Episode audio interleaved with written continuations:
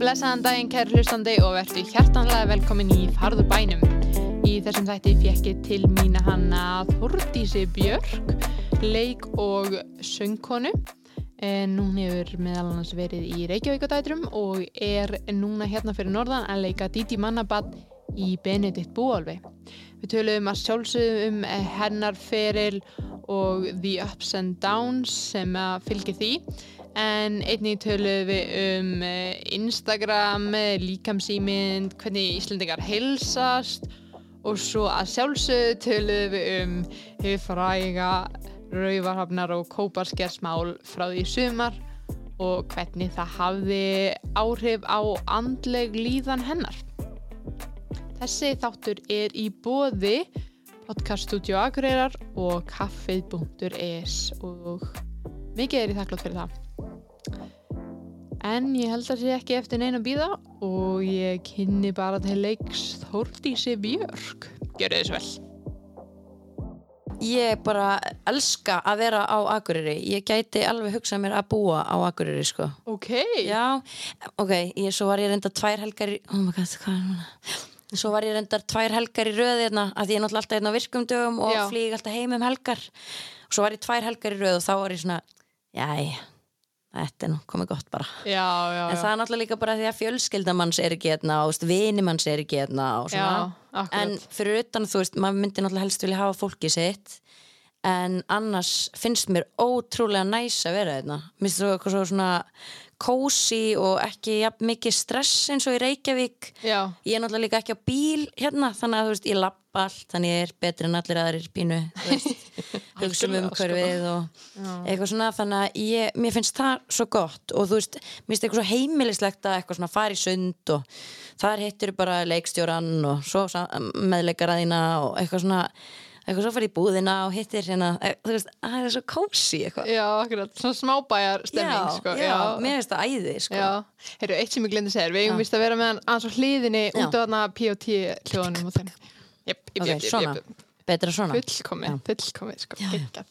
Já, þannig að þú gætir alveg hugsað þér að búa hérna, kannski einhvern tíman. Já, Mm. ég væri alveg til í það en þú veist, þá myndi ég alveg vilja kannski vera með solid vinnu hjá leikfélaginu eða eitthvað svo leis Mm ég skilja. Þú varst náttúrulega voru vaknar líka Já, hérna. ekki? Já, á síðast ári þá, þá var fyrsta hérna, verkefni mitt sem ég fekk eftir útskrift í listaháskólanum það var voru vaknar og ég fekk bara vita að daginn áður en ég fór í daginn áður en útskriftin var þá hringdi Vá. Marta í mig og var eitthvað herru þú fegst hérna hlutverkið? Og ég var bara yes! Ég, þú veist, svo gott að hafa eitthvað.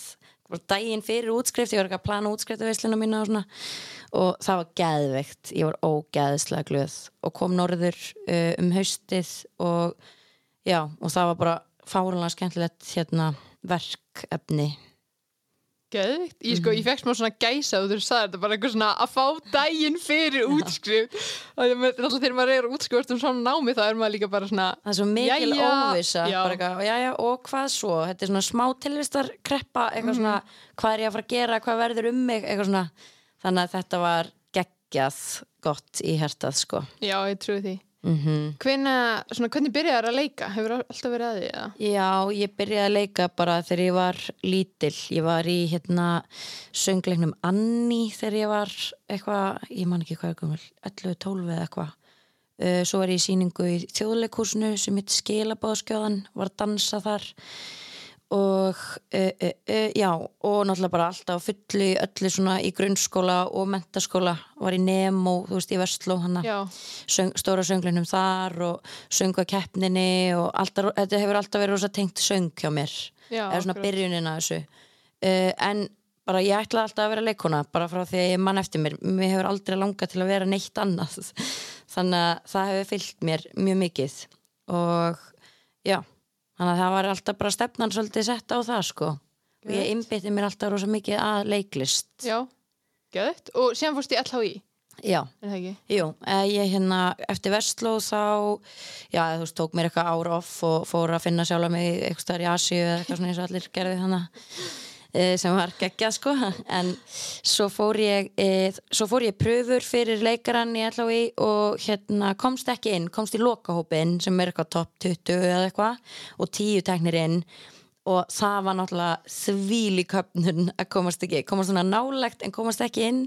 Uh, en á sama tíma var það ég tók það sjúklega mikið inn á mig en svona eftir á higgja var það ótrúlega gott að ég fór þá í hérna myndlistaskóla Reykjavíkur Já. í eitt ár í svona sjónlistadeild sem er bara svona grunnnám fyrir hvað sem er í rauninni.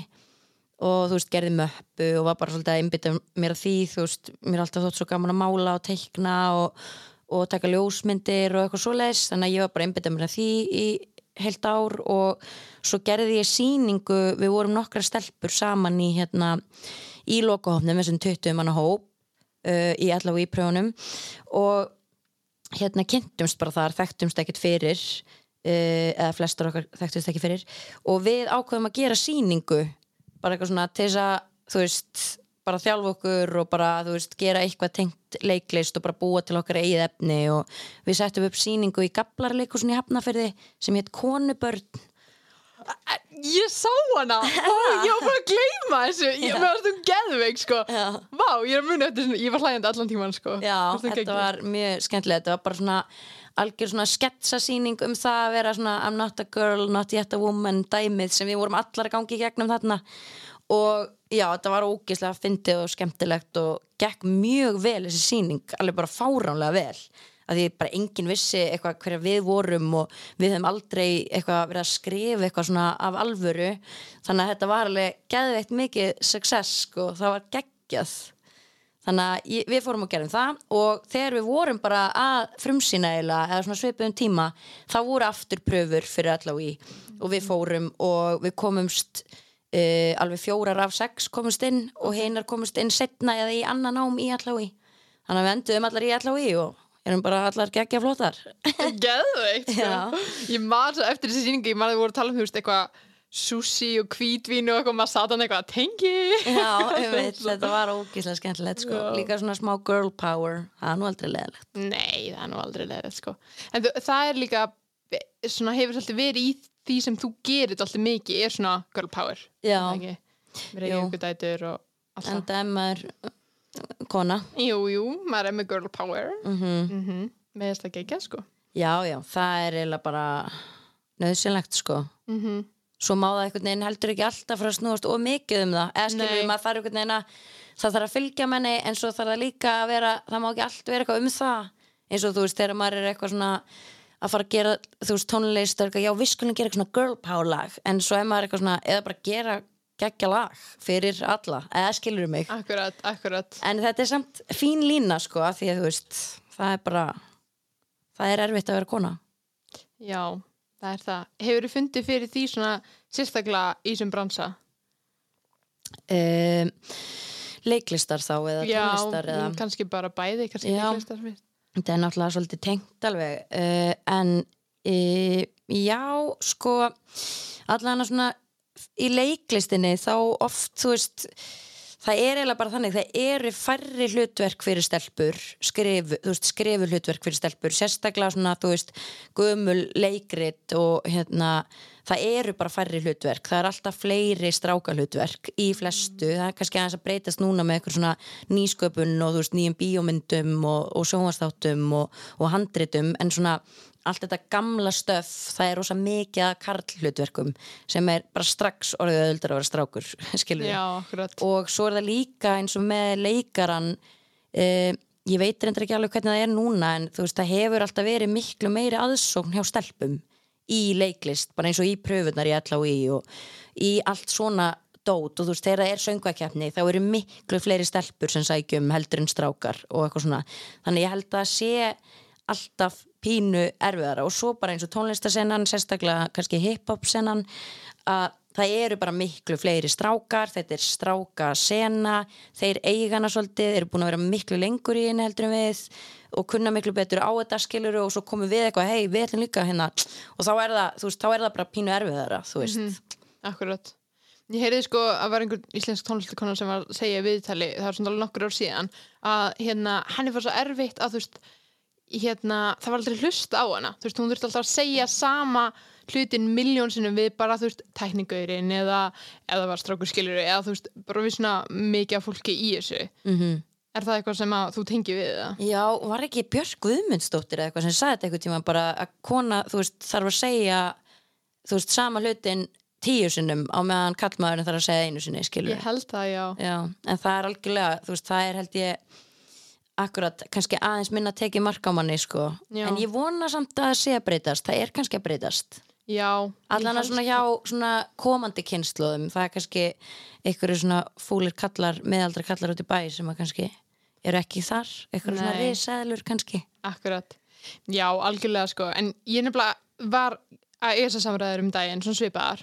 Og ég var eitthvað svona, já, thank God að þú veist, þetta var bara þegar ég var, að því við vorum að ræða um svona um, stráka í grunnskólum sem voru svona bara, þú veist, það voru bara strákar að segja mér að fara inn í eldhús og þrýfa og þetta var svona djók, skilur en þetta var bara ekkert sérstaklega fyndið en þá man ég að þú veist, ég get ekki talað um þetta við neitt, af því þetta var ekkert svona, en þú veist, eins og í dag þá er bara að tala um þetta og þetta er asnalegt. Og ég var að segja, oh thank god að þú veist, litla sýst mín og allir hennar aldrei þurfi ekki að fara í gegnum þetta. Mhm. og það var bara svona fólk bara, mm -mm, bara þetta er ennþá í gangi í grunnskólum. Ég er ekkert að alhæfa neitt. Nei, en nei, veist, nei. þetta er samt til staðar Já, sem ég þetta er að er svo mikið samfélagslegt mein og þetta er náttúrulega líka bara, þú veist, við erum með lítið börn, skilur við eigum, ég og lítinn strák og bara, maður þarf svolítið, eh, þú veist, börnin læra það sem fyrir þeim er haft, sko, þannig að þú veist, þú heyrir svona tal heima hjá þér og það er kannski í gríni en það er náttúrulega ekki fyndið, en, æ, þú veist, og þá bara, þú veist, já, þess að þú lærir, þú lærir þetta bara heima hjá þér, skilur og væntalega ferð þú með það í skólan og bara, svona er þetta, en þú veist, það þarf náttúrulega að verða einhver breyting sko Já, algjörlega, algjörlega sko. En segð mér, þegar þú varst að fara í LHI pröfunar í annarskipti mm -hmm. hvað var svona, hvað var thought process? Þú veist, fannst þér meiri stressandi að þú varst fyrir annarskipti já, mér fannst það, þetta er pínu svona eins og, þú veist maður fer, það er eitthvað sem er búin að vera að stríða mann ógslag mikið eða strákur sem hættir með manni eða eitthvað og svo þegar maður þarf að fara að hitta hann aftur það er miklu erfiðara. Eða skilur það er hræðilegt að fá break-upið skilur og vera bara, ég vil þið ekki lengur. Og maður er alveg bara, "Ah." svo þarf maður að koma aftur og feysan það er Já, hræðilegt skilur við, þetta, þetta var svolítið svo tilfinning sko, að svona koma aftur, sama dómnefndin sama fólkið og eitthvað svona mér fannst vera meiri pressa, ég var búin að fara einu sinni í lokahópin og þú veist ég var bara nú verði ég að fara, það var meiri húfi. Mhm. Þannig að nú verði ég að fara alla leið af því annars er ég bara að valda sjálfur mér sjúkum vombriðum sko, en auðvitað er það ekki þannig maður er alltaf með svipun á sér sko, en þú veist það er fullt af fólki sem verður þrísvar fjóru sinum í pröfur sko hérna heima. Þannig að en já, það var mjög erfitt. Ég var mjög hérna lítil í mér en það, pröfunar gengur fárunlega vel og ég komst inn skilur þannig að það var ég alveg með mjög mikið metnað sko, Gett, allt verður þitt. Algjörlega. En síðan varstu ólétt í náminu, var það ekki? jú, Hvernig var svona svo reynsla að vera ólétt í listnámi?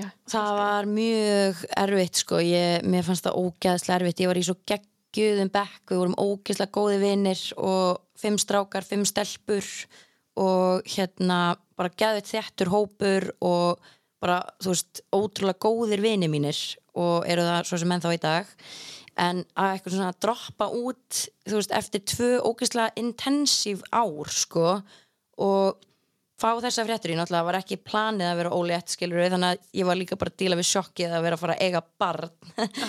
Þannig að þú veist, þegar ég komst að því þá var ég bara svona, nei, ok, shit ég trú ekki að það sé að gerast. En og ég var alveg eitthvað svona að hugsa gæti ég ekki bara átt barnið og, og bara haldið áfram að mæta bara fullu í skólan og bara klára þetta og allir voru bara, nei, þú verður að chilla, sko, þetta er bara tími sem að kemur ekki aftur og skiptir engum máli hvort þú útskrifist með þessum bekka eða einhverjum öðrum. Og, og ég er bara svona, já, en ég var samt alltaf inn í mér eitthvað svona, nei, mér langar bara kýlit áfram, ég fer allt svo mikið á nefanum alltaf á nefanum og bara eitthvað, ég ger þetta bara, ég ger þetta bara. Og, en núna, þú veist, guðminn góður bara sem betur fer tók ég mér pásu og áttistráki minn og það var alveg erfitt. Það var ógslag skrítið að sjá bekkin sinn útskrifast og ég eitthvað svona, jæja, ég á heilt ár eftir.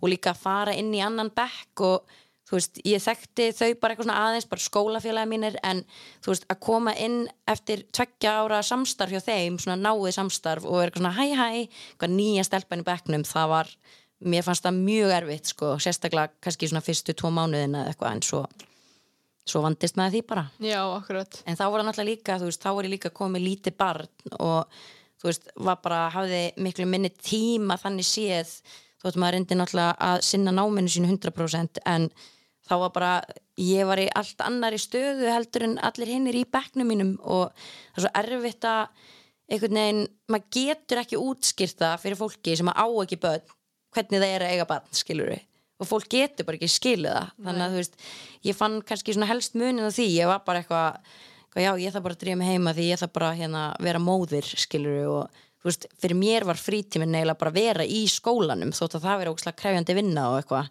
En svo að koma heim og þú veist, vera að sinna því líka var alveg, það var challenge sko, en það gekk mjög vel Já, gott að heyra. En fannst þér, sko, að því að mér finnst svona í listaháskóla, þú veist, og reynda bara maður á þessum árum, maður obsessar svo mikið yfir svona hlutum sem skipta einhverju máli og eitthvað svona yfir þessari pröfu í eitthvað svona nefndaverka, eitthvað sem í rauninni skiptir einhverju máli þó að það sé geggjað, sko. um, ég er bara forvitin, þú veist, fannst þér það vera, því, þú obsessa minna yfir svona ómerkilegum hlutum eftir þú varst mamma og náttúrulega Já, eiginlega, það er veginn, þú veist, þá er maður bara komin með einhvern æðri tilgang og það er bara eitthvað sem skiptir miklu meira máli heldur en þú.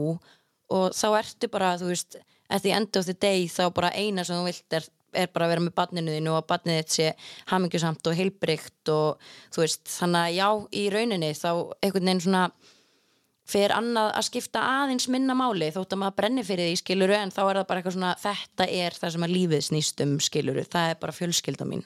Akkurat. Það er samt svo ótrúlega fallið að ég held líka að oft fólk í þessum industrí og svona ég er sko 100% að tala um sjálfa mig. Maður verður svo svona of obsessed með eitthvað sem var svona svona sem maður hugsa bara eitthvað, wow, ok vöflukaffi með fjölskyldinni er í rauninni miklu mikilvægara heldur en að vera eitthvað grenjandi yfir að því get ekki gert eitthvað eitt spór eða eitthvað þú veist þannig einmitt algjörlega Þetta er mjög fyndið að pæla í þessu. En síðan fórstu og ert búin að gera fullt af talsetningum og tala fyrir önnu í frósen eða ekki? mm Hvernig var það? Uh, það var algjör tilviljun að ég fór í það ég hérna, þekkti að og ég var bara eitthvað, við vorum bara svona félagar og ég var eitthvað að hanga þarna. Og hann eitthvað svona, heyrðu, getur þú ekki sungið? og ég eitthvað, jú. Og þetta eru sko, hvað, örgulega sjö ár síðan eða eitthvað.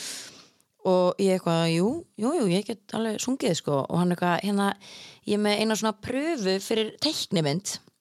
Eitthvað, hérna, ertu til að að prófa bara, bara upp á fennið? Og ég eitthvað, já, ekkert mál. Eitthvað, vissi ekkert hvað myndi þetta var það er bara enga hugmynd það er aldrei talsett neitt á æðum minni. Og bara já, já, ég vinga þetta bara eitthvað já, já, og bara gerði pröfuna og söngi eitthvað smá lag og hérna, og talsett eitthvað, eitthvað smá bút.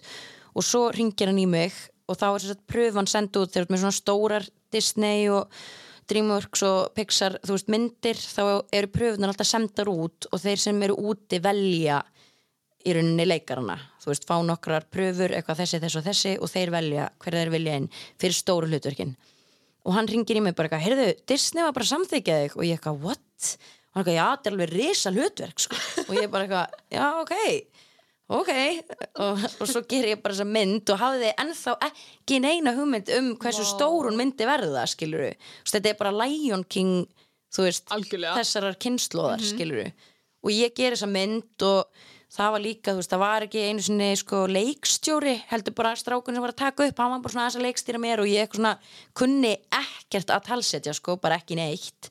En þú veist, svo bara eitthvað svona satt ég yfir þessu og var eitthvað svona að pröfa mig áfram.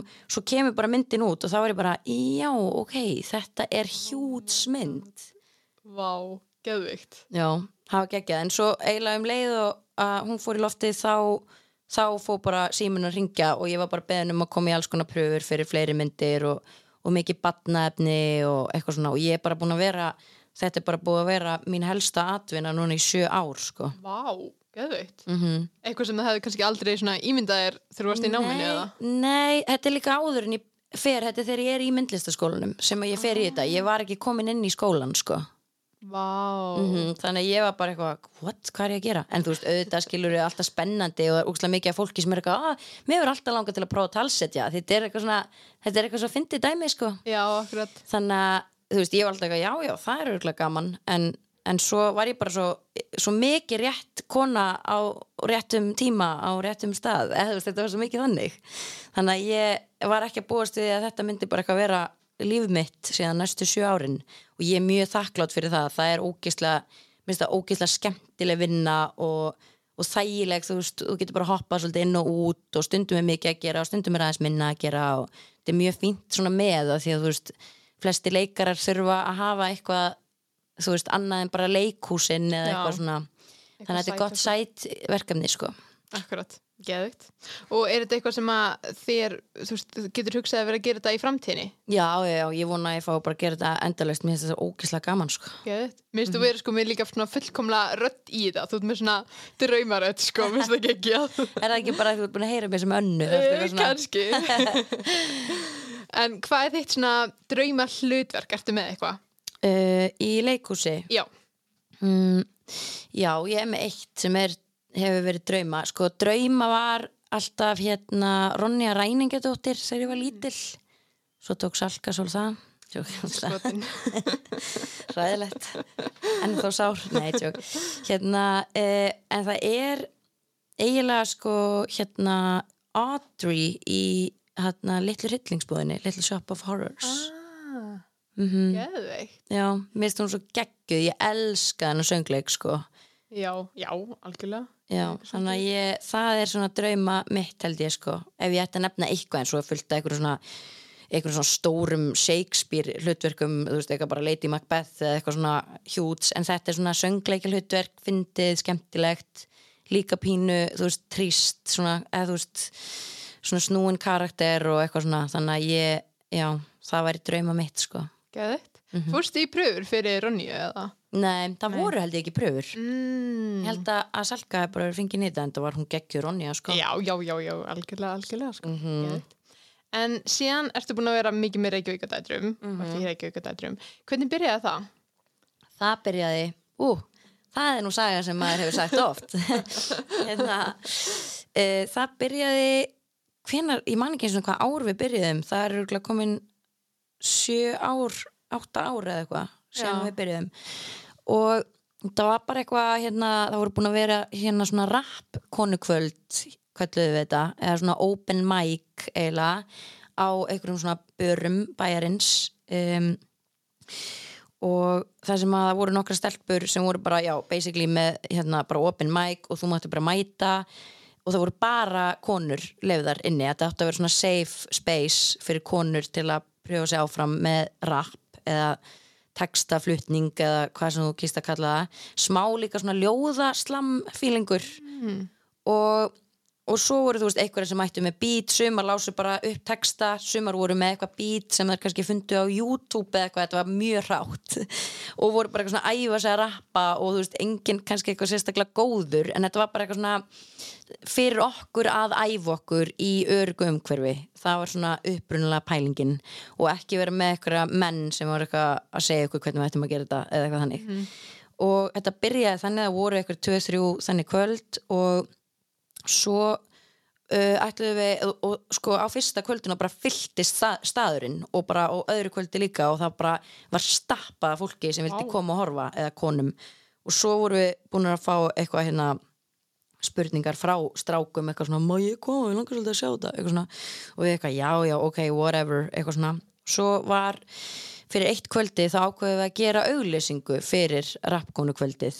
Og við sem ætluðum að vera með hérna e, rappa sem sagt og sko nota benni, það voru sumar bara með blað með textunum á það var, þetta var mjög svona, þetta var alls konar. Það geggja svo Já, og hérna e, fyrir þe- þetta kvöld ætlum við að gera auglýsingu og þá byggum við sem ætlum að performa byggum til lag sem að er sem sagt, Reykjavíkur dætra fyrsta lagið þannig að Reykjavíkur dætur um dimma nætur þetta.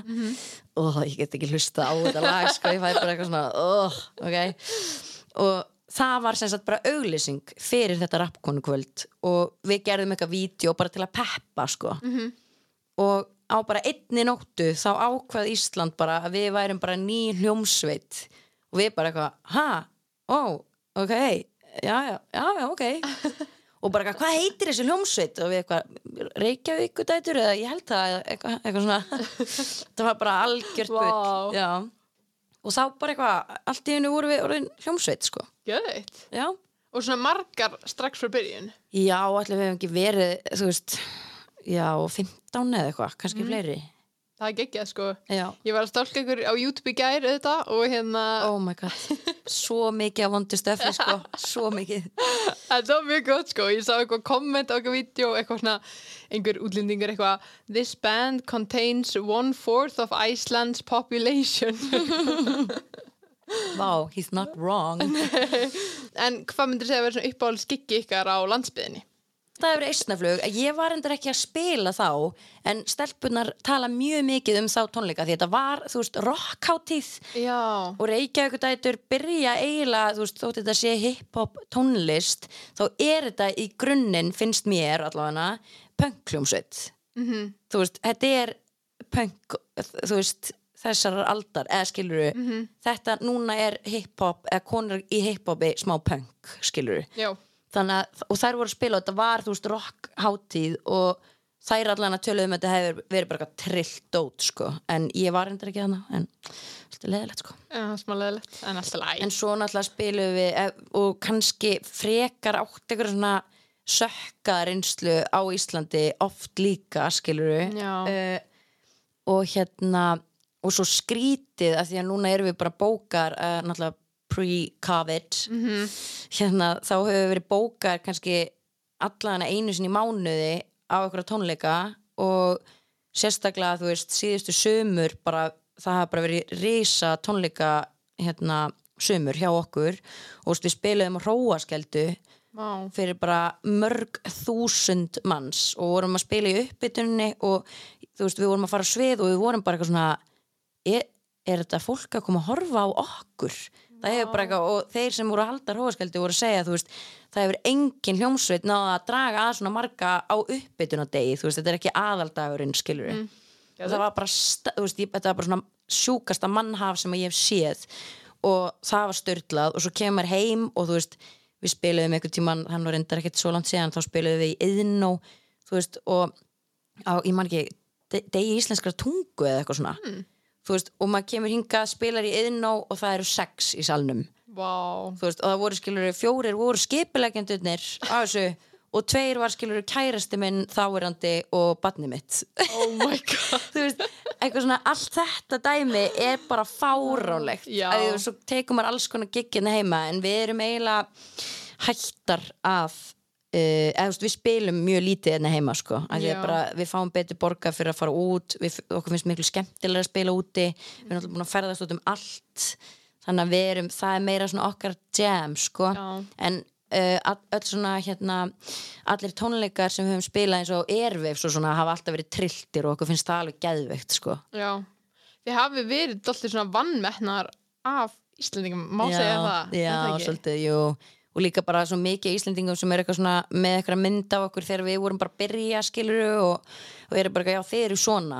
Og maður er eitthvað, já en hefur við séð okkur spila? Við erum náttúrulega að gefum okkur út fyrir að vera kannski meira live hérna hljómsveit, þú veist, við leggjum okkur mikið upp úr tónleikunum okkar og bara svona sviðsetningu og performansinu og þú veist, ef maður er eitthvað, já hann hefur séð okkur live? Og fólk er eitthvað, nei. Og þannig maður er eitthvað, ok, ekki hafa skoðun. Já, akkurat.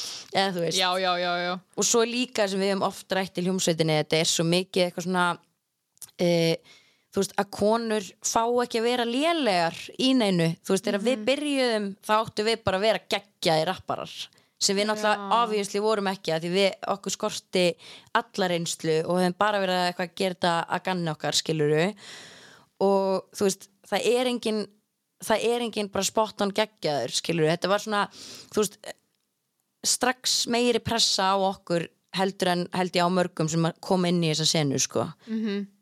Já, algjörlega. Ég mani þið voru að fáta alltaf mikið bara svona heit áður en þið næstu byrjuð, einhvern þetta var alltaf sérstakt. Já, bara um leið að bara eitthvað, hér eru margar konur að rappa, ég ætla að segja að þetta sé ömulegt, eitthvað svona Já, fólk var tilbúið að... að hata, náttúrulega bara rosa auðvelt að hata og oft alveg gaman að hata sko, Mér, ég hef alveg gaman að því að hata alls konar hluti, en Já. þú veist, maður þannig náttúrulega að passa sig sko.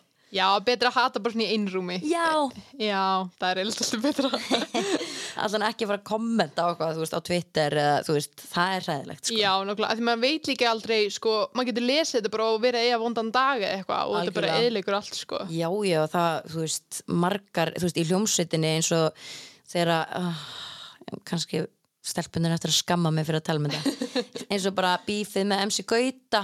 Já, þú veist, það dæmi ég held að fólk fatt ekki sko, þetta var alveg bara svona tráma fyrir mjög margar í hljómsveitinni, mismikið kannski en þetta var tráma þetta var bara, þú veist, hér er við eitthvað svona leggja líf okkar sáli eitthvað og svo bara tekur eitthvað sér að bersaleifi að drull yfir það bara in public og fullt af fólki er bara, já, já, fyndið, ha, ha, ha.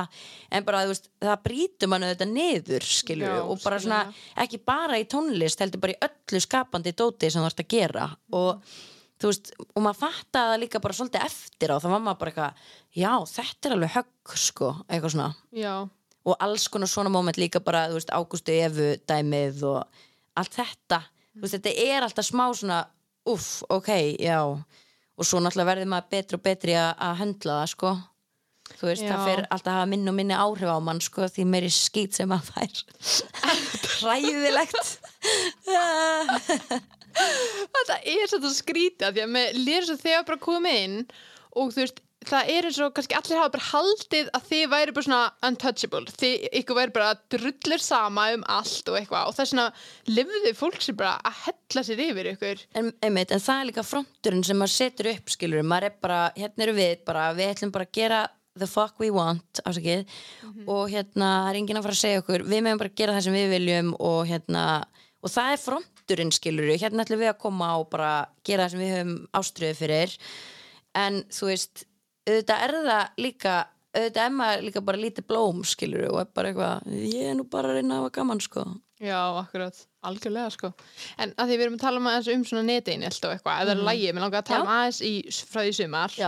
Hérna, þú veist, hvernig hafði það áhrif á bara, þú veist, andlega hilsuðina bara, Uh, sko mm, það var náttúrulega alveg styrlað þú ert búin að lendi ímsu Nei sko, ég, það er svo fyndi með þetta dæmi, það er alveg sama hvað fólki hitti, það verður alltaf að tala um þetta, ég er alveg svona hvenar, eða verði já, já, ég veit það ekki. En þú veist, bara fyndi eðlilega og mér finnst gaman að segja frá þessu að því, þú veist fólk fattar ekki hvað þetta er oft hellað, sko, Já. en En þetta var sem sagt bara eitthvað hérna, já, ég seti þetta inn á Instagram hérna, uh, hérna, það var, grínið var, á ég að vera að útskýra þetta grín? Nei, líka. Nei, nei, alltaf. nei, nei. Ok, uh, hvernig það hefði áhrif á mig? Um, sko, ég var náttúrulega bara svo rosalega hissa Já. þegar þetta byrjar að- hérna, koma inn og ég sé þetta bara poppa upp í símanum og það voru nokkri búin að senda mér screenshotið frá fólki að drulli yfir hérna, veist, fólk var að fara að kommenta inn á lottu síðunni Já. mynd af okkur frá Rauvarhöfn og segja bara setja screenshot af því sem ég sett í story og taka svolítið úr samingi að því ég var líka bara eitthvað fórum á gegja hérna, hótel, fengum geðveika mat og þú veist, ég var bara þetta er æði, geðveikt, vá hvað þetta er flott eitthvað svona en svo sagði ég líka bara mæla alls ekki með að koma hérna því það var bara rók, raskat og jél og þetta var í júli sko, bara hásumar. Og ekkert eitthvað svona mikið að frétta bara sökka veður, ógstlega mikið þoka yfir öllu, maður sá eiginlega ekki neitt og, og fólk eitthvað svona er nú flott, hérna, leikona hérna bara drulli við landsbyðina eitthvað svona. Og ég bara eitthvað og fyrsta sem ég gerði var að skrifa bara við þessa færslu. Uh, bara hérna fyrirgefið, afsakið, skilja þetta fór fyrir okkur, þetta var ekki það sem ég meinti, finnst það mjög leðilegt tekið þetta út strax og þú veist, þetta var ekki hérna þú veist, grínið var að hérna, það var bara ömulegt viður og þú veist, ég ætlaði ekki að fara að drulla yfir eitthvað bæjarfélag um að allt var ömulegt þar sko. þetta var kóparskeri ekki? já, eina sem ég sagði sem um kópasker var bara eitthvað, já já þá maður komin á helvitis kópasker, þá getur maður að tjekka það út af listanum Já. þú veist, þetta var, það var ekki á bakvið neitt Nei, þessu, nei, sko. nei, þú veist, þetta var bara eitthvað djók, skilur og Já. við vorum að nota, þú veist, frídagan okkar þú veist, vorum þarna í einhverju smá fríi og þetta er ógeðslega mikil keisla, þetta er bara síning, síning, síning, síning út um allt land Mhm. og náttúrulega engin hérna leikópur sem að leggur jafn mikið upp úr því að öll landsbyðin geti komið í leikhús eins og Lotta Mhm. þannig að þetta er smá svona, eru það að grínast eða já, akkurat hérna, uh, þannig að já, þetta var uh, hvað var ég að segja? með já, nákvæmlega ummælinn sem þú varst að segja Já, já, já, uh, þú veist og þetta var einhvern veginn fólk var brjálað og fyrsti impulsin er náttúrulega bara finnst mér alltaf þegar þú gerir eitthvað er að segja bara fyrir gefðu hérna, skilkort að meina og bara virkilega vera bara ok, já ég skil alveg ok, þetta var, þetta var vanhugsað ok, ég ætla bara hérna, teka þetta bara út og bara læra af þessu, flott.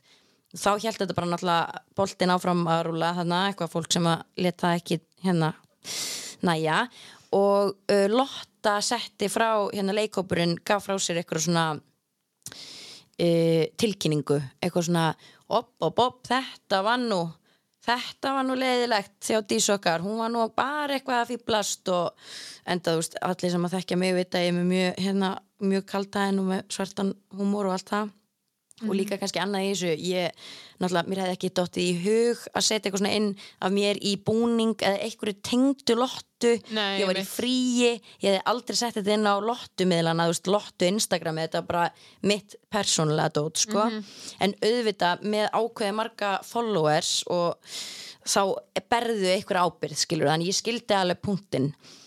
Og hérna, já, þau senda frá sér einhverja tilkynningu og þá er þetta pikkað upp í fjölmiðlum, sko, og þá verður allt vittlust af því að fólk elska náttúrulega þegar einhverju drullar á sig, sko -hmm. Íslendingar elska það Það, já, algjörlega. að veist, og þá fór allt á fullt og þá byrjaði ég að fá bara ógeðslega mikið af ógeðslegum skilabóðum og þú veist, símum, ég held bara svona símanum, ég satt aftast í lottubílnum og ég horfði bara svona síman og ég var bara, er þetta eitthvað grín? Það var bara ding, ding, ding, ding, ding bara, þú veist, skilabóðin hrönnuðist bara inn og þetta gerði svo fljótt einhvern veginn og við áttum einhverja sýningu þannig í millitíðinu og vorum að sína og ég var bara, ég heyrði bara svona bí, veist, ég var bara alveg í rugglinu, sko að ég var bara eitthvað að hugsa þetta bara eitthvað, fuck, já, já, ok, show must go on og við ger, klárum sýninguna og svo er ég bara að kíkja á síman og, og þú veist, hérna þau voru alveg svolítið perjóti með hann í lottu, sko Mm. bara, ah, fuck, ekki það þú stóðu alveg við bakið á mér en um leið og ég var eitthvað hérna, ég er samt alveg bara að fá morð og nöðgunarhótanir eitthvað svona hvað ásakið, ég nú reyndar að fá hérna morðhótanir, þá voru þið eitthvað guðminn góður, bara það er hræðilegt bara Já. shit, þú veist og þá hérna og ég ætlaði ekki að, að hérna, ég ætlaði bara að láta þetta líða hjá, þú veist, allt svona umtal er, þú veist, búið eftir eitt, tvo daga og þá er bara að fara þú veist, fyrir fólk að nýðast á okkur öðrum sko, sem maður skýtur á sig Já. þannig að ég ætlaði bara svona að láta þetta slæta en bróði minn hérna var að vinna hjá fréttablaðin á þessum tíma og hann var bara eitthvað, þú verður að segja fólki frá þessu, þetta er ekki lægi sko, og ég var bara, já, auðvitað en maður er bara svona, orðin vanur því að fá skít að verandi í Reykjavíkudæturum þá er maður bara Já. svona, að þetta er bara eitthvað lasið lið, þú veist Mhm. og þá var ég bara, nei, ok, það er samt alveg góða punktur og þannig ég fór í viðtal og sagði bara eitthvað, þetta er í gangi ég er búin að fá þetta, þetta, þetta. Og þá var þetta aftur bara gaus þetta aftur upp og bara fjölmiðlar bara ringja á miljón og bara, þú veist, bæjastjórar um allt Ísland bara eitthvað að ringi í mig og mispirraðir sko, sumir brjálaðir sumir að segja hvað þeim þótt þetta leðilegt sumir bara skamma mig eins og ég veri lítið barn sko. Ha? Já Líka hvað eftir- að fara að drull yfir okkur næst hérna? Eitthvað svona, ég bara, er ekki lægi eða? Ha? Ég skil ekki. Hún, eh, hún drullaði bæði við ekki yfir en sagðir ekki kannski hluti eitthvað um Já. rauðurhöfn og er það bara að borga fyrir að ringa bara ekki koma hinga Já, einmitt bara ég skal leggja inn á þig að þú stýur ekki fætinga þannig að þá snýrist þetta svolítið aftur við og hérna, þetta var bara eitthvað í fréttunum og eitthvað, ég var bara eitthvað hvað er að gerast sko? En, en ég, og svo kærði ég ummælinn sem ég fekk og sem var bara svona prinsipmál að gera þótt að kannski lítið hægt að gera í því en þá er, er maður allan búin að make a statement sko. Já, og ég gerði það og ég, þú veist, fólk var sko að segja við mömmu mín og pappa bara eitthvað við hugsum til ykkar á þessum erfiðu tímum. Veist, þetta var bara hér sko. Vá. Og þau eitthvað svona, já, já, þú veist ég veit ekki, það er náttúrulega alltaf lægi að taka svona hlutum inn á sig og maður á að leifa sér að vera lítill í sér og viðkvæmur og eitthvað. Og ég varða alveg svona fyrstu tímana eftir þetta, þá var ég bara shit, bara ok, hvernig á ég að koma út af þessu? Uh, og svo var bara eitthvað svona um leið og ég sá bara allan viðbjöðin sem ég var að fá þá var ég bara eitthvað svona, þetta er fáránlegt. Bara, og þá fór ég meira að standa með sjálfur mér bara eitthvað svona, ég má alveg segja hvað sem ég vil. Mm skilur það er bara freedom of speech. Auðvitað það maður að bera ábyrð og þú veist, passa hvað maður segir og get, þú veist, auðvitað maður ekki að segja hvað viðbjóð sem er en þetta var bara ekki þannig dæmi skilur Nei, einmitt. þannig að þú veist, þá var ég bara eitthvað þetta er bara galið sko og þá fór mér að liða bara allt í lagi Já, akkurat. Þetta var ekki eins og þú hefðir eitthvað svona haldið áfram með þetta. Þú varst bara sorry. já, bara skilurðu. sorry, teka þetta út, næsta mál Já. skilur Sko, mér langaði stoltið að tala við um þetta bara út af þessu, en líka bara út af því að maður er alltaf að sjá út af TikTok Mhm. að það eru bara ángríns börn og úlingar á Íslandi og út um allt að bara lenda í svona, bara fá bara svona ógeðslegar hótanir Mhm. næstu á hverjum degi, þú veist, það er alltaf einhver veist, eh, sem bara eitthvað 14 ára krakkar og ekki út af neinu, það er hræðilegt sko. Þetta er svo sjúk menning að eitthvað svona vilja taka fólk af lífi fyrir bara eitthvað sko Mhm. og stundum ekki fyrir ekki neitt fyrir einu sinni. neitt, já, bara hræðilegt þetta er bara eitthvað svona sjúkt net einelti sko Mhm. og það sjúkasta við þetta er náttúrulega þegar maður sér fullorðið fólk á internetinu vera að þessu Já, það er náttúrulega bara veist, þá er bara ekkert skrítið eins og vorum að tala um áðan, þá er bara ekkert skrítið að börn hæði sér svo leiðis líka sko nei, akkurat, algjörlega Já, þetta er allavega hana það var svakalegt sko. Meira ruggli en já. ég meina svo var þetta náttúrulega tekið fyrir í skaupinu og ég var bara mjög mér fannst það ógeðslega fyndið að því ég Já. hef mjög mikinn húmor fyrir sjálfur mér skilur mér finnst þetta þetta er bara ég að vera eitthvað sauður og það er alveg fyndið skilur og mér fannst það ógeðslega vel gert í skaupinu. Mér fannst það sjúklega fyndin skets Já, sammála eitthvað svona við öll sem drulluðum á okkur eitthvað, ég og Bjarni Ben og MC. Gauti, já, já, við erum flott.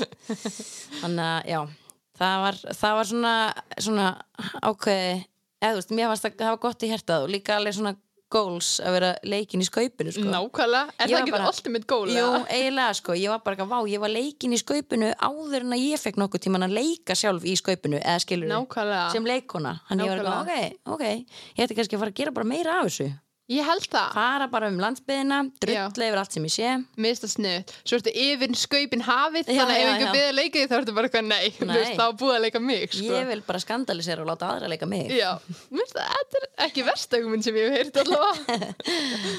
En heyrðu, að, aðeins Instagram. Já, Sko, þú ert með mjög svona aesthetically pleasing feed. Þannig að svona, ef maður myndi ekki vita að þú værir leikona og sönguna og allt það þá getur maður haldið að þú væri samt áhrifavaldur. Þú veist, finnst þér þú vera áhrifavaldur?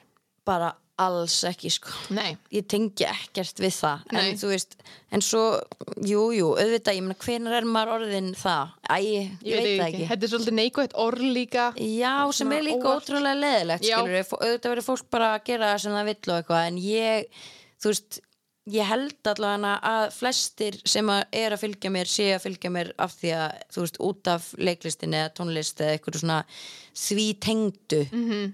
þú veist, fólk er svona mest að, að kannski að byggja um eitthvað þannig content og ég er ekkert eitthvað allt og dögulega að setja eitthvað inn tengt því en þú veist, maður reynir að gera og láta fólk vita í hvað verkefnum maður er og hvað maður er að bralla og eitthvað.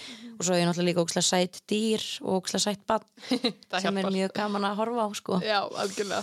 En nei, ég held ekki, en svo náttúrulega, þú veist, um leiður komin með eitthvað x marga fylgjendur þá hafa fyrirtæki alveg samband við þig og, og byggja þig um alls konar. Og ég hef yfirleitt ekki vilja taka það að mér bara því einfaldlega bara vegna þess að ég hef ekki tíma í það sko. Já, veist, þannig að ég er eitthvað svona, ég nenni eiginlega ekkert að vera eitthvað mikið að auglýsa dót, af því ég bara er á fullu í hinni vinnunum minni skiluru sem er bara algjörst luxusvandamál sko. Já, algjörlega. En eina sem ég hef tekið að mér eitthvað svona að alvöru er eitthvað svona tengt skincare dóti að mér finnst það Mm. svo geggja gaman. Ég líka, ég elska, sko. Hefur hort á þetta hæram Já. á YouTube? já, oh, Dýrkan, sko. Ég líka. Mhm. Uh, já, ég er algjör svona skincare pervert þannig að ég elska allt sem tengist húðvörum og eitthvað. Og það er bara eitthvað svona þannig að það er svona einu skiptin sem ég er eitthvað já, ég til þetta, eða það er eitthvað svona sem ég nota og elska. Mhm. og þá bara tek ég myndir af því þegar ég er að nota það og segja, hei, þetta er næs og þetta er næs og, og oft líka bara eitthvað sem ég hef keift sjálf, sko, mjög oft mér þess að Já, einmitt.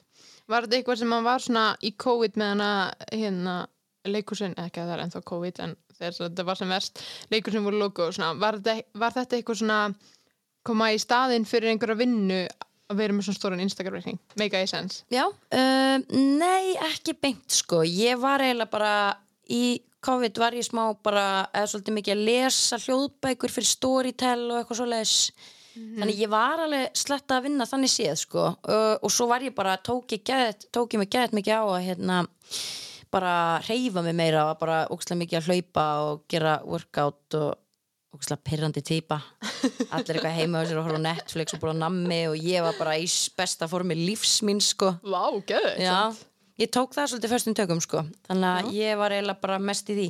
Nei, ekki beint sko.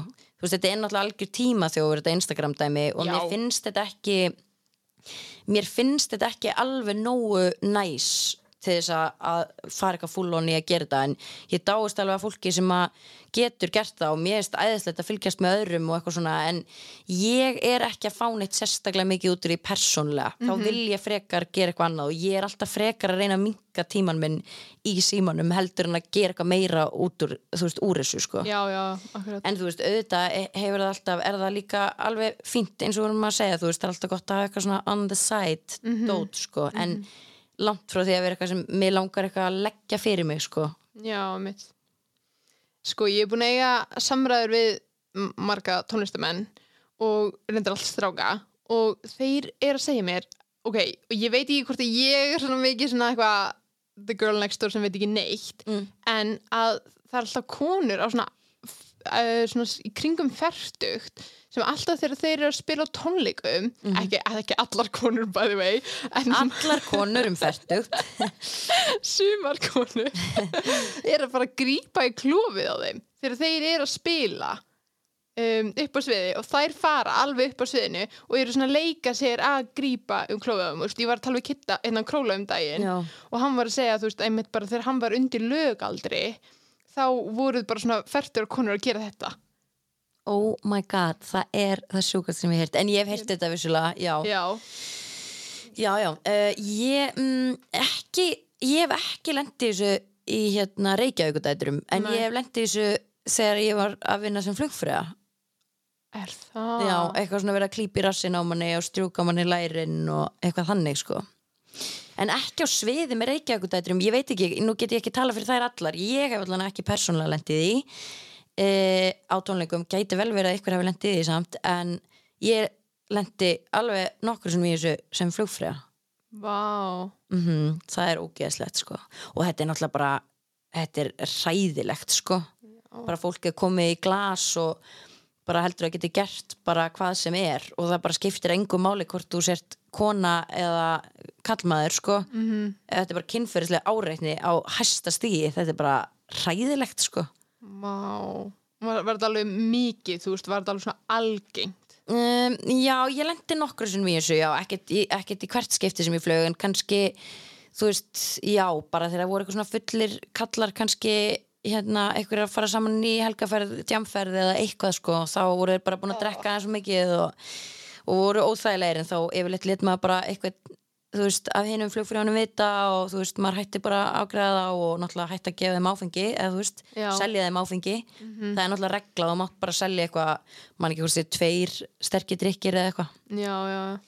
En eitthvað svona, þú veist það er náttúrulega, þetta er yfirleitt fólk í glasi svona oftast, sko já, en ég meina ekkert sem að bara ekkert eitthvað svona yfir náttúrulega, jú, yfir mörk vissulega en bara eitthvað svona slá á rassin á manni og eitthvað svona að maður bara, oi Það er alltaf ógeðslegt. Það er ógeðslegt, ég verð svo, ég snögg reyðist svo, Já, þú veist líka bara ef maður lendi á djammunu eða eitthvað, ég verð svo reyð ég er bara veist, já, maður verður bara veist, og bara, maður var það kannski ekki þegar maður var eitthvað svona í mentaskóla eða eitthvað og maður var bara eitthvað, eitthvað alveg blekaður á því. En, en hérna en núna bara ef eitthvað sko snertir, liggum við bara öxlin á mér sko, þá er ég bara hver í fokkanum heldur að þú sért, skilur við bara snöggriðist sko. Já, algjörlega. Ég man sko að var einn hérna, þetta er alltaf langt sinni fara að tjá mig í Reykjavík sem sagt, en eins og, já, við flest, já, já. en ég, það var eitt, eh, er eitt staður niður í bæ sem ég bara, ég hætti að fara á en ég, þú verður samt ekki að segja hver það er en svona vinsæll skemmtstaður niður í bæ ég bara, ég hætti að fara hana að því að ég var bara alltaf fyrir áriði í hvers getur sem ég fór hann inn. Það er bara, það meikar fullkomi senn sko, það er bara, ég myndi gera það sama sko, þetta er ógeð. Uh, ég, bara og svo hef, hef ég líka stundum verið eitthvað svona ó, ætti ég að sko ég veit að það er ekki hvernig maður klæði sig en stundum langa mér bara að fara í hettupeysu og einhverjum joggingbuxum á djammið sko. Mm maður finnur minna fyrir þessu en maður er bara, þú veist, gauralega klæddur sko. Mm eða algjörlega mér er staðlan ef ég hef farið bara í einhverjum stórum jakka og hettupeysu og húfu og eitthvað finn ég minna fyrir þessu sko. Mhm. en ef ég er eitthvað að skvísa þá er þetta bara óþólandi algjörlega. Síðan er þetta minnst þetta nánast ennþá meira úti síðan.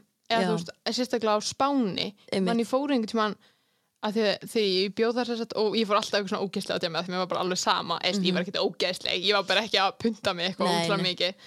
En það var alltaf bara svona tíu sinum verra en hérna meira að segja. Oh, er það vond maður. Já, þetta er ekki þetta er ekki gott. Nei. En ef þú er ekki performer hvað væri þá? e, Vá, ég get eiginlega ekki ímyndað mér það. Kannski eitthvað svona e, rítöfundur eða eitthvað. Mm. eitthvað svona skrifa, mist það gaman. Geggjað. skrifa e, eða hérna, eða eitthvað svona í fjölmiðlum kannski. Mm skrifa svona ljótar fréttir um einhverja leikonur og já, söngkonur. taka fólk niður í fjölmiðlum Já. eitthvað svoleiðis. Nei, e, já, eitthvað tengt fjölmiðlum mér er alltaf langað til að vera svona mér langaði alltaf að vera sko Ragnhild Steinun bara í kastljósinu.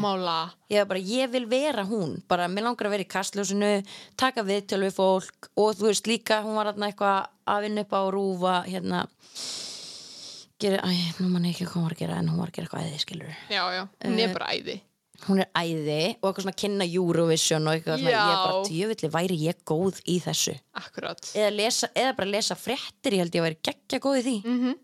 Er er ógeðslega- bara ferðið að sinna er úrslega hrókaföld að vera eitthvað, ég væri ógeðslega nei, góð í mér þessu. finnst það geðveikt sko.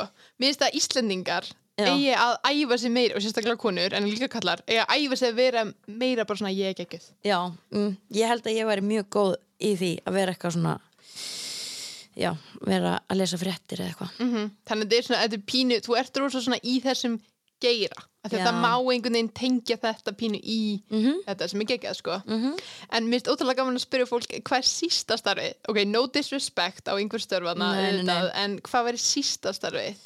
uh, Sko, ég myndi ég held að það sé eitthvað svona hérna bankatengt sko. Mm, ég bara gæti ekki mér líður ekki vel inn í það, en svo er líka bara þú veist, svo, þú veist, á ég bara mjög góða vini sem að vinna í bönkum og þetta er Já, bara og þeir eru allir leðilegir. er náttúrulega hræðilegt fólk Já. Mhm. upp til hópa Nei, hérna, en, veist, en þeir eru bara að elska þetta og þú veist, bara ógislega vel hugsað um starfsfólk og bara, þú veist, Já, ógislega mikill stemmari og bara gaman en ég eitthvað svona ég bara hef ekki, ég er ekki alveg að banka, ég er ekki bankastæðsmaðurinn sko. nei, akkurat. ég myndi bara frekar ég myndi bara frekar vera pípari eða eitthvað sko. Já, þú eru allir bara góði pípari. ég held það nefnilega. Nei, ég held ég verið hræðilegu pípari sko. Ég skil ekki skil ekki svo leist, það er bara algjör já. En heldur þú getur unni á sláturhúsi? Já, nei, það- nei, ég geti það ekki. Ó, shit, hvað ég geti það ekki? Ég væri til að prófa að fara á sjó. Er það? Ég held að sé sko hræðilega erfitt. Líka því ég er svona, ég er verð sjóveik sko Þannig að þetta er alveg hræð, eða ég verð bílveik sko Þannig að þetta myndir örugglega ekki fara saman. En mér finnst það svo ógeðslega hardcore dæmi Og ég var að tala við gamlan hérna, sjómann eða, Já, og hann var Og ég er eitthvað svona, þú veist, fara konur ekkert að sjó Hann er eitthvað, nei, nei. Kettlingar, kettlingar Ó. Nei, eitthvað svona Já. skilur við bara, þykir mjög væntum hann mann en þú Mhm. veist, hann er bara gamall og bara hérna e, já, og hann er ekki nei, nei, nei, nei, og þá er ég bara svona tjöfulli væri ég til að prófa að fara, bara til að prove them wrong, skilur Mhm. við svo væri ég bara ælandi allan tíman, ég veit það ekki Já, sko, ég er með smá sög af þessi meira að segja því Ok. ég vann einu sinni á sjó ok, sko, mér er kúla að segja það það er sem ekki alveg Já, satt. nei, þú varst ekki úti eitthvað, varstu í Nei. eldúsinu eða Nei, sko, ok, kona. Já. Nei, sko, þetta er pínu íkt saga hjá mér. Mér finnst bara cool að segja af unni á sjó En ég var leiðsögumæður í kvalaskoðanaferðum ah. En ég var samt á sjó sko 12 tíma á dag. Ah, en ok, ef það ég er líka mikið. Já, þetta voru bara fjóra ferður og maður fór bara skilur, jú, maður fór einu sinni hádegismat og einu sinni kvöldmat. En hérna, þetta er ekki, ég var ekki sjó bara svona fyrir alla þarna sem er eitthvað þú varst ekki að skera ykkur fisk, það er alveg satt. En þetta var að fullri vinningu fyrir fyrirtæki sem ég var að vinna hjá að þau voru æðisleg, þetta var versta sumalífs minns Þú veist, ég var myndið þess að þú, ég var bara sjóveik um, einu sinni lendi, ég veit ekki af hverju ég er áta sjálfa með hérna en einu sinni lendi ég í það að gleyma slökku á mikrofóninu mínum. Og ég var bara þalli sjóveik, þú veist, yfir sjóin og það var stelpa sem ég þekkti í þessari ferð og hún eitthvað svona, eða sko kannast við vinkona mín eða eitthvað hún svona, já þú ert þarna gætin sem að glimta slökk á mikrofóninu þínum eins og þú varst að æla um, í sjóin oh það my god. þetta var sko ég mæla ekki með þó ég hafi ekki verið að sjó þá. Nei, ég held þetta sé mjög erfitt starf sko. Uff, ég held það líka sko. Og líka bara að vera í þú veist, burtu Já. frá öllum svona lengi sko. Já, já. Ég held bara sko, mér finnst eitthvað svona heillar mig ekki mjög mikið svona nýju til fimm starf. Nei, akkurat. Uh, og, en ég held að það hendi öðrum eh, mör, og mjög mörgum hendi mjög mörgum vel mm að vera í því. En mér finnst, mér fannst þetta mjög gaman að vera flugfræða hana eitthvað sömur að því að þú veist það er svo fjölbreytt þú veist maður, og stundum ertu bara eitthvað í frí á mánudegi og svo ertu kannski að vinna eitthvað helgi og svo ertu að þú veist að fara í nætuflug og svo ertu að fara í morgunflug og svona engin dagur er eins einhvern veginn. -hmm. og það er náttúrulega líka hann svolítið í leiklistinni það er, þú veist, þú sertu þetta ef þú ert í verki þá ertu að æfa 10-4 eða eitthvað. En þú veist aldrei, svo bara klárar þetta verkefni og þá ertu bara, og hvað svo? já, Mér finnst það svona svolítið, það er náttúrulega vissulega mjög streituvaldandi. En, en það er líka svo mikið svona mér finnst það gaman, mér finnst það sjarmerandi líka við þetta sko. Já, hvernig ertu að höndla að vera svona veit ekki hvað er næst? Um, bara, ég hef alveg verið, verið heppin hinga til að hérna fór beinti, voru vaknar eftir útskrift uh, fór svo að vinna með lottu og fór svo beinti Benedikt Búolf þannig að ég er aldrei búin að hérna, vera eitthvað nei, nei, nei uh, en það mun koma að því það kemur alltaf að því og þá bara finnum maður sér eitthvað eitthva sniðut að gera sko. En ég er ekki ég er ekki beint stressu fyrir því. Ég er algjör hérna ég bara elska að vinna og ég vinn ógæðslega mikið. Þannig að þú veist, ég veit alveg þótt að- ég fái kannski ekki eitthvað í leikhúsunum þá bara fer ég og bý mér til eitthvað að gera sko. Já, algjörlega. Veist, og það líka getur bara, þú veist, búið upp á alls konar ný tækifæri, eða skilur við 100% þannig að ég er mjög svona mér finnst það ekki skeri, mér finnst það bara svona já, þá kemur eitthvað gott, sko. Já, algjörlega. Ég er hans forvitin um flugfreyju lífið já, Er þetta, þú veist, færðu að stoppa í ena Danmörku í þrjá daga og hafa næs og... nei, nei, alls ekki. Þetta er, Nei. ef þú ert að fljúa Evrópu, þá ertu bara að fljúa fram og tilbaka og fyrir ekki svona út Einmitt. vélni sem er, ég meina það var örugglega æði að vera flugfræða fyrir mörgum, mörgum, mörgum árum síðan þegar þetta var bara eitthvað svona að byrja skilur við Mhm. um, en nei, þú fer bara fram og tilbaka er bara mæti vinnuna klukkan 6 og búin kannski 5, 6 þú veist kannski 12 tíma eða eitthvað. Vá. fer bara fram og tilbaka, öll Evrópuflug sko. Já, og já, og svo ef þú ert að fara til bandaríkjana þá ert að stoppa. Já, alltaf allana, þú veist, þá ertu kannski burtu tvær nætur eða eitthvað, þú veist, gistir eina nótt úti og ert svo að fljúa eina nótt heim aftur. Mhm. En finnst þið gaman í flugi þá núna? Gaman að, Þú veist, í flugi bara að sitja í flugi Sko- eða, eða vinna. Nei, að sitja í flugi að því pælingi mín er, ég hata að fara í flug og Mm. þá er ég svona sko, ég elska flugfræði, ég er bara svona ég, mm, það er ekki fyrir mig, ég myndi ekki velja að vera flugfræði ef ég fæði ekki að stoppa einhvers þar Mhm. þannig mínu pæling, ertu svona þér finnst alltaf næs að fara í flug? Já, já, já, mér finnst það alveg næs já, já, en e, þetta er svona ógeðslega erfið vinna. Ég held að sé svona oft einhvern veginn búið að búa til eitthvað svona glamúrmynd af þessu en þetta er bara hardcore vinna sko. Ég trúi því sko. Og þetta er ekki bara eitthvað að gefa kaffi og te, þetta er náttúrulega ógeðslega mikið tengt öryggi og allt svona öryggis tengt sem þú þarfst að gera fyrir flug og eftir flug bara, þú veist, það er þú veist, og það er kannski svona pínu stressandi, sérstaklega ef maður er að byrja þá maður bara, þú veist, ok, ég þarf náttúrulega bara að tjekka hvort það sé, þú veist, björgunavesti hérna skilur við annars bara hvað gerist ef allt verið fokk, þú veist.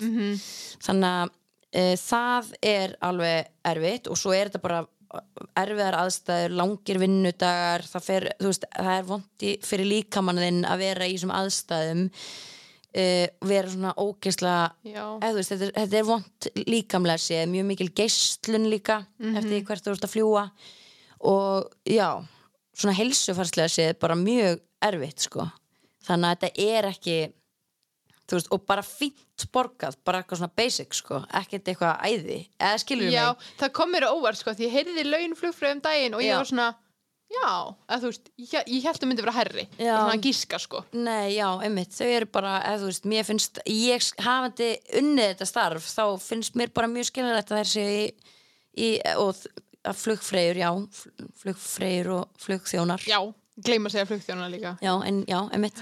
E, þá finnst mér bara mjög skiljanlegt að þessi stjætt sé í, í eitthvað svona kjara baróttu, sko. mm Já, 100% sko Hérna, hvað finnst þér um núna í COVID, þá er náttúrulega uh, handabönd og svona að, að hilsa fólki er búið að breytast alltaf mikið Já. Hvernig ert að fíla það? Sko, ég er svolítið mikið knúsari, sko. Mér finnst alltaf pín skrítið að knúsa fólk ekki blessa ef ég er að fara, að knúsa það hæ eða eitthvað svona. Mm -hmm. Þannig að pínu skrítið um, eina kannski sem að ég sakna ekki er eitthvað svona maður þarf, mér finnst maður kannski svona líka af því að maður er alltaf með grímuna og eitthvað, maður svona er minna svona smóltoka við fólk. Já, algjörlega það ógeðslega leðilegt ef ég hitt einhvern og ég er bara eitthvað í hagkaup og ég er bara eitthvað að hendast inn að kaupa bleiur eða eitthvað, þá er ég bara eitthvað svona já, hæ, já, já, ég þekkti ekki grímunni, ok, já, bæ. Hæ, skilur við Mér finnst það rosa fín þróun eitthvað svona, maður getur verið bara svolítið hér. Já, akkurat. En svo, en mér finnst kannski versti mitt þegar maður er að hitta fólk sem maður er kannski ekki búin að hitta lengi, einhverja vini sína og fjölskylda og svona, þá langar manni svolítið að knúsa það sko, hæ Já. og bæ. Algjörlega. Mér finnst það, leðilegt sko. Mhm. En hérna, en svo er reyndar annað, ég er náttúrulega sé rosalega illa, ég er með mínus sko 11, mm. veit ekki hvort það segir eitthvað Nei, ekki Nei, neitt En, nei. ég ger, en ég ger bara svona mm, Já. eins og ég viti uh, ég er ógæðslega nærsýn uh, þannig að ég er mjög oft, kannski flott að taka fram hér ef ykkur er að hlusta hérna, sem að þekki mig að ef ég hilsi ykkur ekki þá sé ég ykkur bara ekki. Eð, veist, ég, bara, ég sé ekki fólk. Mm. ég er svo fárlega nærsýn þannig að ég er alltaf bara svona, með pyrðu augun bara, er og þessar grímur eru ekki að hjálpa með það sko. Nei, þannig að ég þekki engan. En ég fæ ofta að heyra eitthvað svona já, ég sáði nú þannig í kringlunni og þú bara lest eins og þú þekkti mig ekki. Og ég eitthvað, oh, Já, akkurat. Þú verður bara Þórdís, halló. Já það þarf að vera bara hæ, Þórti, halló, Dísa, Dísa. Og þá er ég bara, já, hæ. Einmitt. Það bara pu- punktur fyrir alla out já, there. mhm. ég tvíta þessu einhvern tíman bara svona til þetta væri á hreinu. Já, já, já. En svona fólk sem að, þú veist, ókunnugt fólk eða svona fólk sem þú veist að hitta eða einhver svona vinnufélag eða eitthvað. Mhm. sko varðandi þetta handaband og varðandi bara okkur Íslendinga og að heilsast, þú veist, mér finnst þetta bara mér finnst ekki vandrar alltaf sko að heilsa fólki og ég tek alveg oft í hendunar á fólki en þetta er svona, maður veit aldrei hvað maður á að gera þú veist, uh, úti er einhvern veginn fólk svona knúsa strax eða kissur Mhm. mm -hmm. við erum einhvern veginn svona veifa eða handaband eða Mhm. eitthvað svona þú veist, mér finnst bara einhvern veginn að það þurfi einhver að taka það á sig að ákveða hvað við ætlum að gera þegar við erum að hitta fólki í fyrsta skipti já, einmitt, já, það er og engin snerting Nei, sem kannski er bara voða fínt, eða skilur Já, það er bara, já, ég er sammála, sko. það er bara enginn þarf að gera neitt það er bara hæ hæ, já, hæ, búið. Já, nei, við getum kannski tekið það. Það getur verið ágætt. sko. mjög formal Mm. En að því við vorum að tala um sem hérna Ragnhildi Steininni og Eurovision aðan, mm. -hmm. myndir einhvern tímann keppa í Eurovision sem keppandi? nei, Aldrei. aldrei Einhver sérstök ástæða fyrir því? nei, bara, mér langar það bara ekki neitt sko Þú ert ekki Eurovision fan? uh, nei, ég er ekki Eurovision fan en þú veist, alveg, ég horfi alveg á Eurovision og mér finnst, það, mér finnst þetta skemmtilegt konsept og þú veist, fórkemnin innan heima skemmtileg og gaman að fyrir party. Ég er svona stemmingskona sko. Já. allt sem er eitthvað stemmar í það ég er svolítið fer í það eins og bara bolludagurinn. Þá bara, ég elska ekkert bollur en bara væntanlega er ég að fara að geta bollur skilur, Já, þetta er bara bolludagurinn. Þú veist, allt þetta dót sko. E, þannig að mér finnst öll svona stemming í kringu það skemmtileg en ég hef ekki, ég held að þetta sé ekki þetta er ekki eitthvað sem mér langar að gera mér langar miklu frekar að vera kynnerinn sko og fá að Já. skipta fimm sinum um kjólu og eitthvað Oh, þessu sem getur draumur, sko. Mhm. Þetta er náttúrulega bara, já. En hérna, ok, smá úr einu í annað. Eitt sem ég langaði að ræða er líkamsýmynd Mhm. um, í eins og sko, bara líka sem við höfum í höfuð en kannski í eins og bransa Mhm. sem þú ert í, að því að það er svolítið mikil pressa oft en hvernig finnst þér þetta að vera hérna á Íslandi? Mm, leikara eða tónlistar eða bæði eða? Bara bæði? Já. Eh, Hérna ég veit það eiginlega ekki alveg. Ég, þú veist, ég held að sé alltaf alltaf svolítil pressa, ég held að sé alltaf eitthvað svona ákveðin pressa og maður hefur alveg fundið fyrir því að leikonur eigi að vera svona og svona og þær eigi að vera sætar og þær eigi að vera eitthvað skiluru en, en samt færðu líka þú veist, ég fekk það alveg í skólanum eitthvað svona, já hvað, ætlað þú bara að vera sæta leikonan eða ætlað þú bara að vera þessi eða skilur það var maður eitthvað svona, hvað Hvað viltu frá mér? hvað á ég að vera veist. þannig að, en ég ekki beint kannski, nei ég, þú veist, Reykjavík dætur taka þetta mjög mikið fyrir uh, allt svona tengt líkamsýmynd og, og líka bara, þú veist, því að þú meiri verið í því sem þú vilt og bara svo lengi sem þér líður vel og við spiluðum eina tónleika á Airwaves þar sem við vorum allar í aðhaldsfötum Mm, og þú veist, bara svona alls konar aðhaldsfötum, þú veist, nærbuksum og toppum og hérna sokkabuksum með svona aðhaldi og hérna samfellum og eitthvað og í svona nút litum já, og þú veist okkur leiði ekkert sérstaklega vel í því eða skilur maður var alveg bara eitthvað ok, þetta er rosa revealing en ok, en pointið var kannski að bara við erum í öllum stærðum og gerðum og það er bara geggjað skilur og sumarirna eru pínu litlar og sumar eru aðeins stærri og þú veist bara sem er bara embrace it og það er geðveikt skilur og við fengum mjög mikið uh, það voru alveg margir fjölmjölar úti líka sem er fjöldið um þetta og fannst þetta gett nett sko sem þetta var, það var, mjög, það var mjög cool sko. Já og við erum algjörlega. með þannig líka klættar svona svipað í nýju tónlistamindbandi sem er að fara að koma út vonandi á næstu vikum. Þá erum við allar í aðhaldsfötum og eitthvað svona Ok, sem Já. er ákveðið svona body positivity má segja. Algjörlega. En hefur þið fundið eitthvað svona þú persónulega erum með svona já, óryggi varðandi eitthvað svona? Nei, þú veist, auðvitað er maður alltaf með eitthvað óryggi uh, en ég hef ekki, ég hef Æ, þú veist, jú, jú, stundum horfi ég á nefið á mér og bara eitthvað, ég vil láta laga mig nefið að, en það er líka af því ég er búin að nefbrotna tvisvar.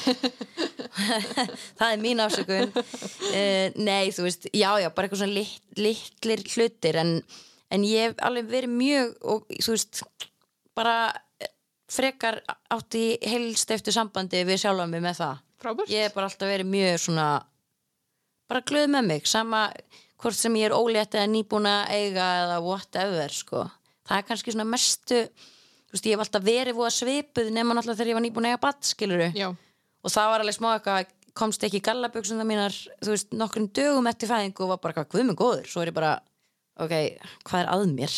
Já, skiptir engu máli. Og svo bara, þú veist hugsa maður bara vel um sig og bara ef maður er duglegur bara að að láta sér líða vel og gera það sem maður þarf að gera til þess að, hérna vera gladur þá fylgir allt hitt svolítið með. Já, algjörlega. Getur þú gefið hlustendum eitthvað svona pepp út í daginn? Já, ok, sko að, að, bara út frá því sem við vorum kannski að tala um að náðan með, þú veist, að fólk uh, segir alls konar um þig og um þig á netinu og eitthvað svona. Mm og eitt sem að ég hugsa mjög oft að því líka, þú veist, svo er maður í uh, bransa það sem að verða oft til eitthvað svona slúðursögur og, og sérstaklega í, líka í kringum samfélagsmiðla. Oft eitthvað svona fólk gefur sér eitthvað svona bessalegi til að tala um þig af því að þú ert eitthvað, eitthvað performer eða ert eitthvað, eitthvað andlit. Uh, og það er eitt sem ég hugsa mjög oft. Að skiptir ekki máli hvað fólk heldur um þig eða segir um þig ef þú veist hver þú ert og hvað þú stendur fyrir Algjörlega, mér finnst þetta mjög góði punktur. Og þú veist, ef maður er að obsessa með eitthvað hvað öðru fólki finnst um mann og hvað annað fólk er að segja sem er yfirleitt alltaf byggt á bara einhverju sem þið hafa ekki hugmyndum eða öfundsíki eða bara einhverjum almennum leiðindum eða þeim líður ekki nógu vel eða whatever þú veist, þá er þetta hérna þú veist, það er alltaf final punkturinn skilur við, þú þú veist, ef þú veist það þá er, verður allt annað í lægi skilur Algjörlega, algjörlega. Mér finnst það sem er að grata hérna. Maður er bara komið kökk í hálsin sko. Ertu kannski með einhver ráð fyrir fólk sem að þú veist veit ekki alveg hvort það veit? Skilur mig? Mm, Æ, maður þarf bara held ég að vera alltaf samkvæmur sjálfum sér og sama hvað maður er að gera samkvæmur sjálfum sér uh, þú veist, vinna vera konstantli að vinna í sér bara vinna í því að vera betri manneska vinna í andleri heilsu líkamleri heilsun, heilsu bara, þú veist, alltaf að vaksa sama hvað þú ert að gera og vera tilbúin að, að viðkenna mistök eða vera tilbúin að læra og vera tilbúin að bráðna þegar þú þarft þess skilur og ef þú getur gert það þá ertu bara á góður róli sko. Algjörlega, mjög vel sagt. Heyri, það var æðislegt að fá þig, takk hérlega fyrir að koma. Erum við búnar? eða viltu læra um eitthvað? Nei, nei, nei, nei, þetta er bara geggjað, nei, bara eði já, bara ég, þið ég bara, tíminn bara flaug og ég Já. er bara eitthvað, vá, ok. Já, var þetta er bara bara að sniðugt. líða mjög hrætt sko. Geggjað, takk fyrir að fá mig, mjög gaman að koma. Takk sem við leist